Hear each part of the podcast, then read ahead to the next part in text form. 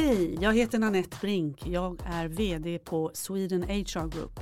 I den här podden diskuterar jag och min kollega Carolina Lilja tillsammans med vår partner Göran Smedberg ifrån Astra Advokater HR, ledarskap och organisationsutveckling ur ett arbetsrättsligt perspektiv.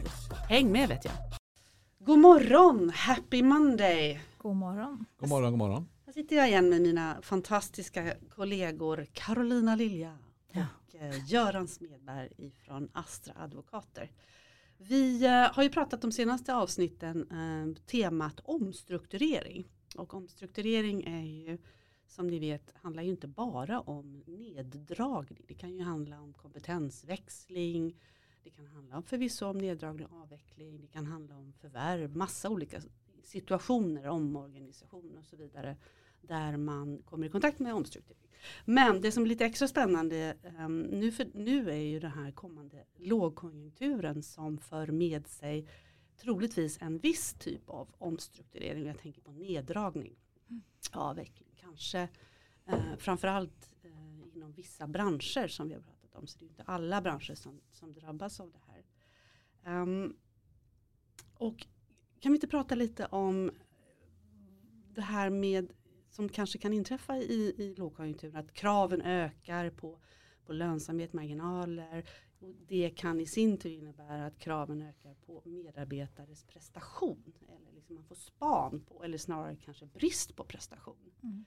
Um, Vad, tänk, vad tänker du på? Bransch? Jag tänker tänker på på konsulter kanske Ja, som blir på bänken eller? arbetsplikten till exempel. Mhm. Ja, ja men precis Karolina. Till exempel Mm. en sån bransch till exempel. Mm. Konsultbranschen där man kanske då har, ja men precis. Ja, för det syns ju väldigt ofta, alltså, alltså, konjunkturläget syns ju ofta väldigt snabbt i konkurrens, eller i konsultbranschen. Ja, Att man Exakt. inte har svårt att få ut sina konsulter. exakt. Och vad gäller då? Om Mm. man tänker på det här som kallas för arbetsplikten. Alltså Mm. hur slår den och, och i, i tider av sämre prestation till exempel. Och, Mm. och saklig grund för Mm. uppsägningar och så vidare. Kan vi inte bara lite i det? Jo, absolut. Göran, Göran, vad säger du?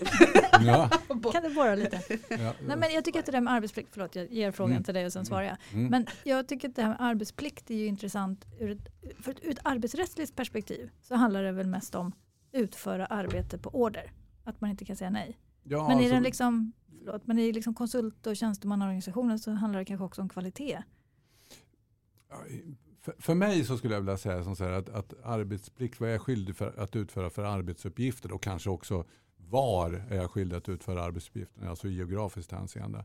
Vilka Mm. arbetsuppgifter och var. Men mindre om hur. Eh, ja, det, det kan ju komma in där också för då kanske det är på det sättet om vi har en bänkad IT-människa som, som inte, man inte får ut på Mm. de vanliga uppdragen. Kan man då kräva av den personen att den personen ska utföra några andra arbetsuppgifter? Mm. Och då får man ju fundera på hur vidsträckt är arbetsskyldigheten för, för arbetstagaren. Mm. Och, och, och det, där är ju det där är ju ett ganska omfattande kapitel. Då. För om man, om man tittar på då hur vidsträckt är arbetsskyldigheten? Ja, tittar man då i rättsfall som finns, det är ju gamla rättsfall som fortfarande är aktuella.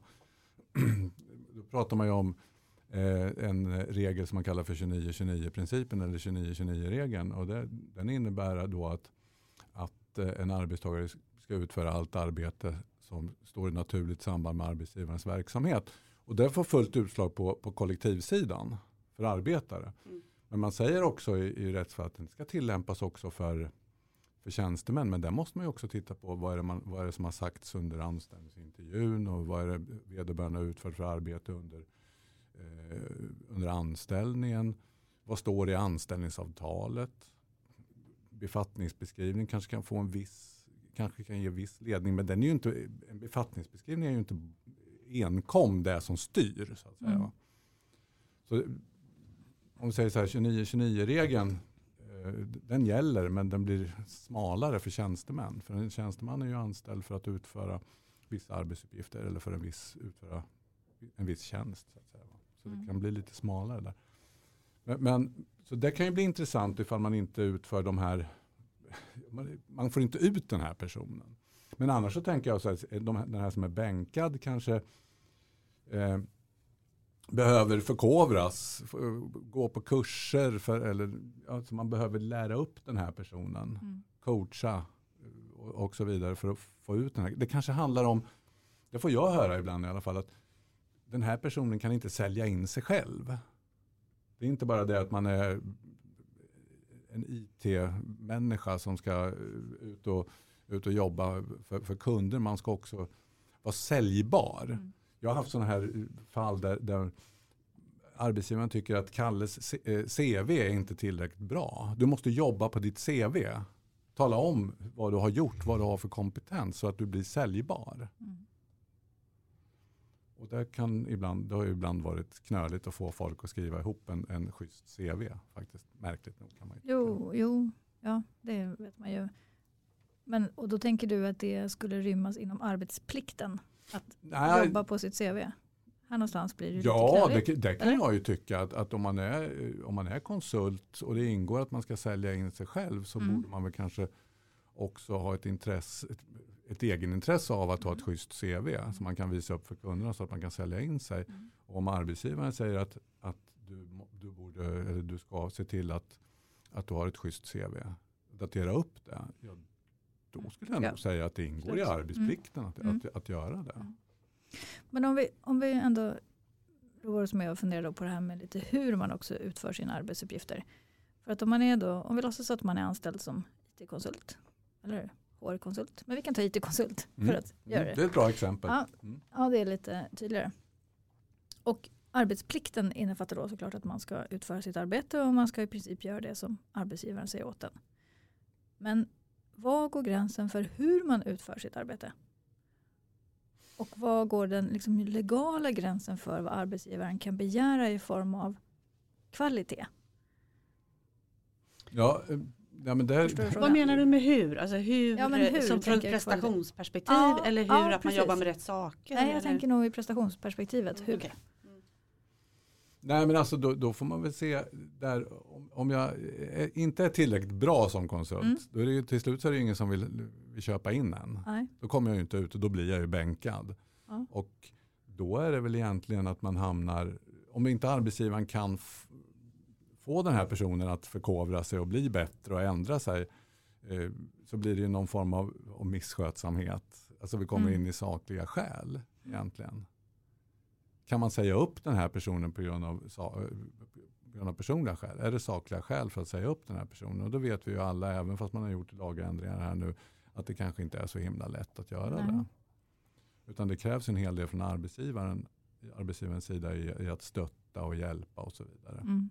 Och ställa tydliga krav. Och, Ja, Tydlig ställa tydliga krav, hjälpa till.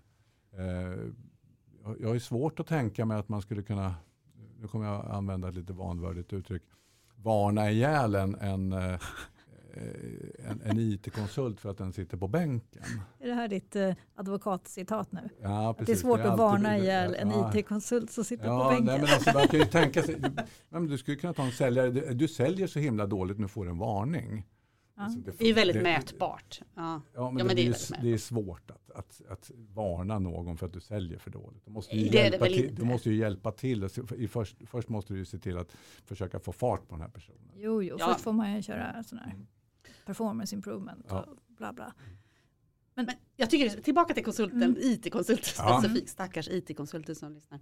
Eh, just, eh, vi känner ändå inga IT-konsulter. vi känner inga IT-konsulter. Nej men är det inte, en, är det inte jag förstår vad du säger Göran, då, är det så här, då blir det så här vanligt eh, formalia för uppsägning av personliga skäl. Men blir det inte ändå superkomplicerat för då ska man då bygga den här formalian så ska man involvera alla kunder då så ska de liksom uttala sig om den här IT-konsulten. Blir det inte ännu mer komplext? Alltså arbetsrätten blir väl lite extra tuff då för den typen av verksamhet, eller?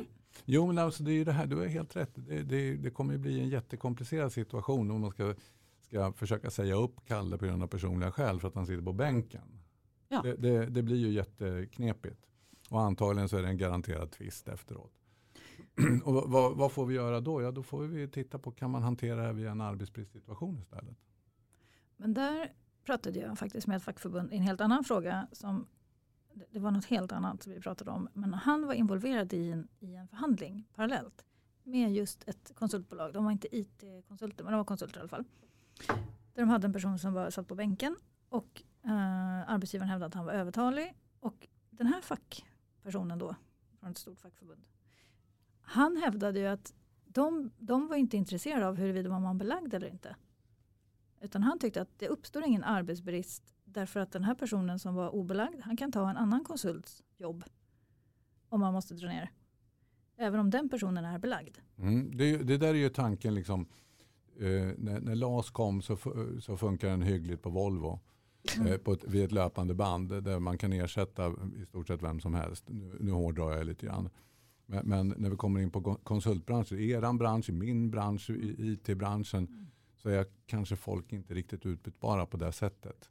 För, för är det, väl... ingen som vill köpa in just den här konsulten på grund av någon anledning då kommer inte den konsulten kunna hoppa in på det här andra jobbet Nej. heller. Sen är det ju antagligen så att den kunden vill ha den andra konsulten. Ja, med all säkerhet. Mm. Och låter sig inte nöja med att det kommer någon annan. Nej. Men vad gäller då egentligen arbetsrättsligt? Det där kommer ju bara, förlåt nu, svar, nu ställer jag en fråga igen och svarar. Men det måste ju bara bli... Jag lutar mig tillbaka nu. jag, kan, jag kan prata med mig själv. Uh, det måste ju bara bli en förhandlingsfråga. Ja, du var ju inne på Göran på, då gör man en arbetsbrist. Är det det? Ja, alltså jag tänker som så här då att då får man väl fundera i de banorna. Om man nu absolut vill, vill eh, göra sig av med den här personen. Det låter ju brutalt det här. Men, men om vi säger att, att, att eh, vi har ju de facto en, en, någon slags övertalighet. Vi har ju en person som vi inte får ut. Mm.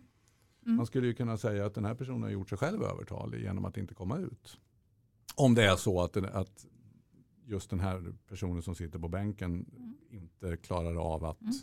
få nya jobb. Mm. Ja, då har vi ändå, vi har ju fler personer ja, än vad vi har jobb precis. för. Helt ja, precis. Och, och, då har vi en övertalighet och då får vi väl se, kan man, kan man, eh, kan man använda sig av, av, av LAS regler om, om övertalighet då? Och då kommer man väl så småningom in då på, på turordningsreglerna. Sist in först ut.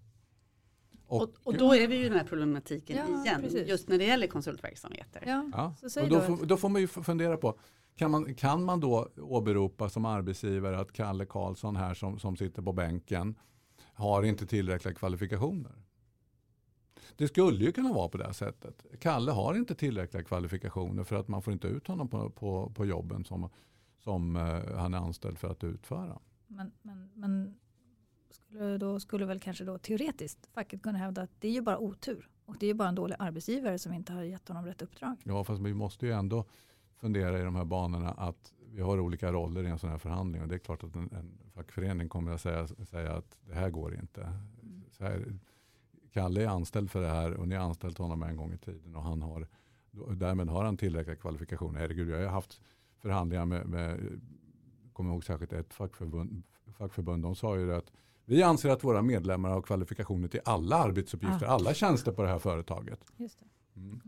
Så, så, så, att, eh, behöver inte nämna vilken fackförening det var, men, men, men den ombudsmannen gjorde det väldigt klart för, för uh, arbetsgivarparten att våra medlemmar har kvalifikationer. Men vad gör man då, då Göran? Nej, men då, får, då, ah, nej, men alltså, ah, då får man ju bygga upp, bygga upp sitt case. Och, och, och eh, göra en, en inventering av vad har den här arbetstagaren för, för kompetens, för kvalifikationer. Och vad är det för krav som vi ställer? Mm. Och är det på det sättet att det inte lirar så att arbetstagaren inte har tillräckliga kvalifikationer, ja, då får man ju kasta sig ut utan skyddsnät i så fall som arbetsgivare. Och säga så här, vi är inte överens i förhandlingen, vi, nu, nu är förhandlingen avslutad och sen säger vi upp den här personen. Men då kan man ju tänka sig att man får en tvist mm. om ett turordningsbrott. Det är, då man ringer, det är då man ringer till dig. Ja, förhoppningsvis har man ringt innan. Ja. Mm.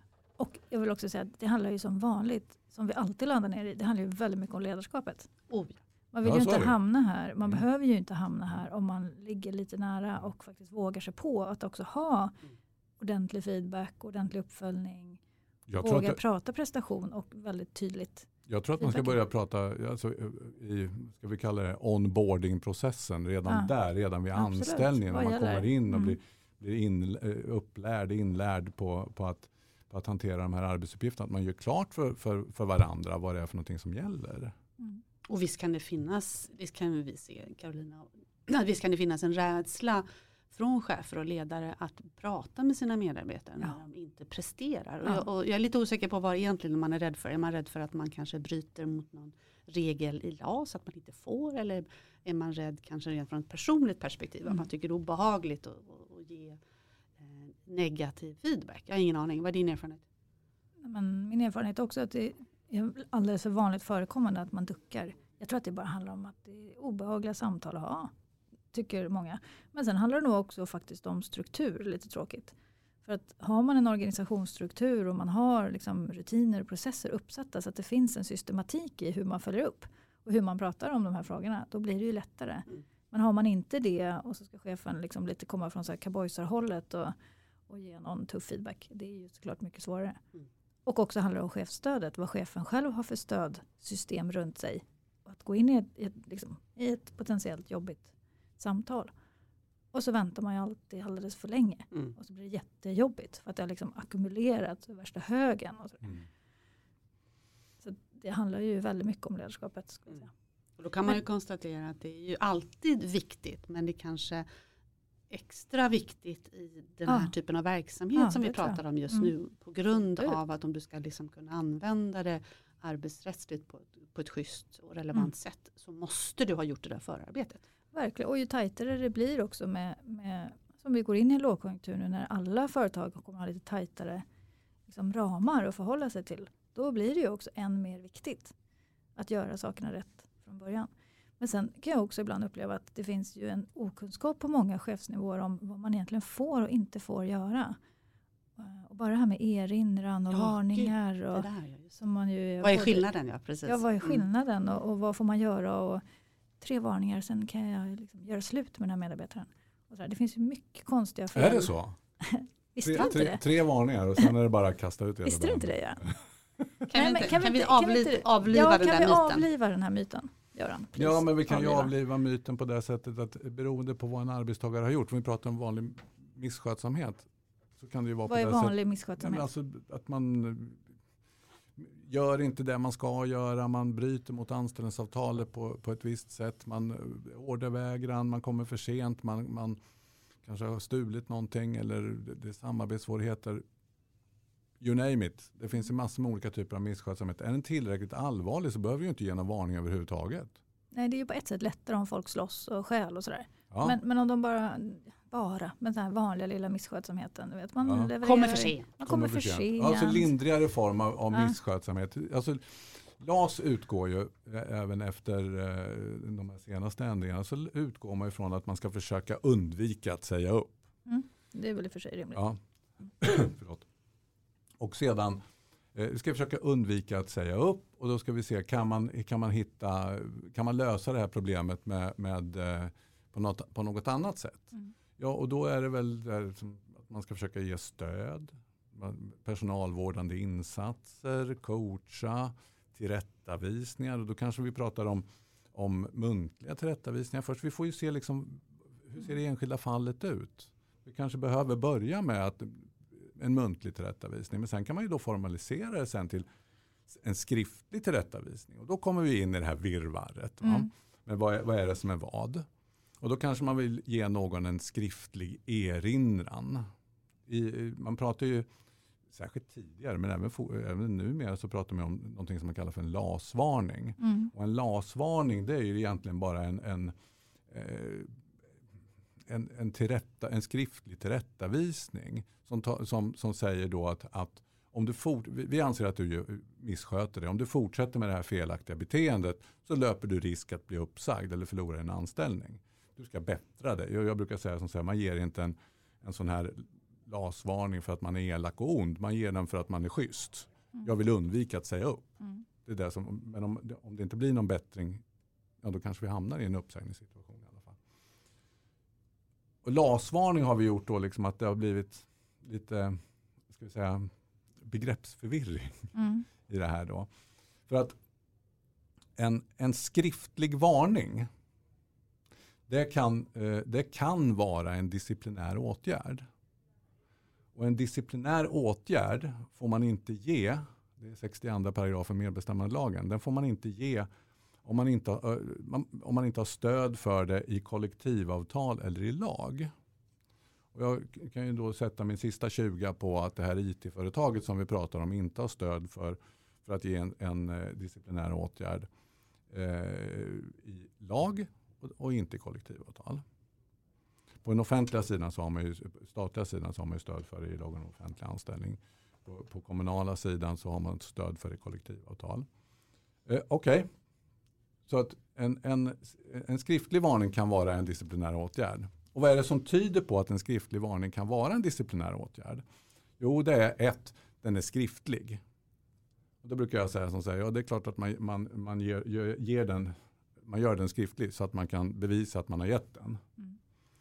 Två, den utdelas av en hög befattningshavare. Ja, där skulle man kunna dra ner det så att det inte är högsta chefen som ger den här utan det är någon mellanchef då som delar ut den här eh, skriftliga dok dokumentet, då, den mm. skriftliga varningen. Då. Eh, tre, det ses som en prickning. Mm. Ja, det, ska inte vara, det ska inte vara en bestraffning utan det ska vara det här omtänksamheten. omtänksamheten. Mm. Gör inte om det här. För att då löper du risk att bli uppsagd. Fyra, den arkiveras. Ja, det är klart att vi arkiverar den för annars hittar vi den inte. Mm. Så ni hör ju vad jag tycker om det här rättsfallet som, som kom på, i mitten på 80-talet. Eh, det, det, det, är en ganska eh, märklig, märklig, eh, märklig bedömning mm. som, som, som, man gör här av, av, en skriftlig varning. Och kommer man fram då till att, det, att det är en disciplinär åtgärd, då, då har man brutit mot 62 paragrafen MBL och det är skadeståndsgrundande. Och dessutom har man antagligen inte förhandlat den innan också. Så det är brott mot förhandlingsskyldigheten också. Så att det kan kosta pengar. Och vad gör man då? Jo, då skriver man istället en skriftlig erinran. Och, och, och, talar om, och det innehållet är i princip detsamma. Men så skriver man då, som jag brukar göra i alla fall och många andra med mig, att detta utgör inte en disciplinär åtgärd utan en erinran om vad som, vad som gäller i ett anställningsförhållande eller någonting i den stilen. Sen om det räcker. Men det är ju samma, an, det är samma, ande, andemeningen är ju densamma. Man påminner Exakt. ju i den skriftliga eden om att om du, jag, nu är jag snäll och uppmärksammar dig på att du har ett fel beteende, men om du fortsätter Ja. Så, så jag menar ja, andemeningen ja, är ju densamma. Fast det blir inte lika, uppfattas inte lika men, hårt. Sen är det väl som så här att en, en varning, det, är en lek med ord. Och en varning anses väl vara lite allvarligare än en erinran. För, för vem? För vem? Den som får den. Jag vet inte om den som får det förstår skillnaden. Nej, det, tror, det, det, tror, det tror jag. Att, att man, ja, jag tror att det här är väldigt jag. förvirrat. Jag tycker ja, att man har förvirrat. otroligt mycket förvirring kring det här. Men, men oavsett skriftlig, eh, som du precis har beskrivit, skriftlig varning eller skriftlig erinran. Visst är det en myt att någon av de där ska man ha x antal av för att ha saklig grund för uppsägning. Jag brukar likställa det där med när jag var liten så spelade man fotboll mot ett mål. Och, och när, när någon slog ut bollen över kortsidan så fick man så skulle man ha hörna men man var så få som spelade så att då gjorde man så här tre hörnor straff. Då fick man straff istället. Va? Okay. Ja, svar, svar, svaret på frågan är att det är en myt. Ja, det, tack. Liksom, det, det, det, var det korta det, kan, det, kan, det kan ju vara på det sättet att, eh, att det kommer krävas tre Ja, skriftliga tillrättavisningar i det mm. enskilda fallet. Men det kan ju också vara som jag sa förut, vara på det sättet att det är så allvarligt från början så att du behöver inte ens ge någon. Graden Nej, av misskötsamhet som, mm. som ligger till grund. Men det handlar väl också om som sagt alltså att hålla i, påminna igen, påminna igen. Ja. På, och så liksom spara det där så att man kan. Ja, det är, det är ledarskap. Ja. Det är en kort podd när vi alltid kommer fram till ja, att det handlar om ledarskap. Nej, men alltså, det är ledarskapet som det handlar om. Ja. Jag tror att det är jätteviktigt. Ja, men jag tror att det är därifrån myten kommer det här med att det ska vara tre. Alltså det, det måste ju komma från den här känslan att man måste ju liksom påminna igen och igen och ge en chans till och måste hålla på ett tag. Ganska länge kanske innan man kan gå på personlig själv.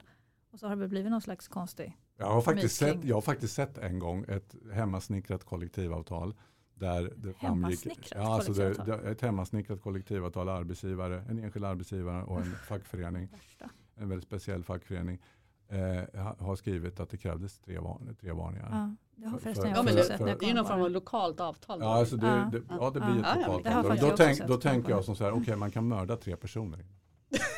innan man får dödsstraff? Nej, innan man blir uppsagd. Perfekt. Sen kanske dödsstraffet kommer. Ja, okay. ah.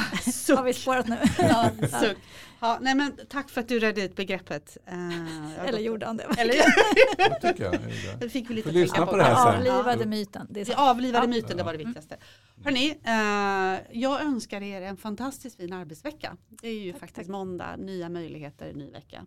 Och nu ska vi också leverera och prestera. Precis, ja, precis. Ja. och und att vi inte får någon skriftlig erinran. Exakt. Hörni, ha en fin vecka. Du med. Hej då.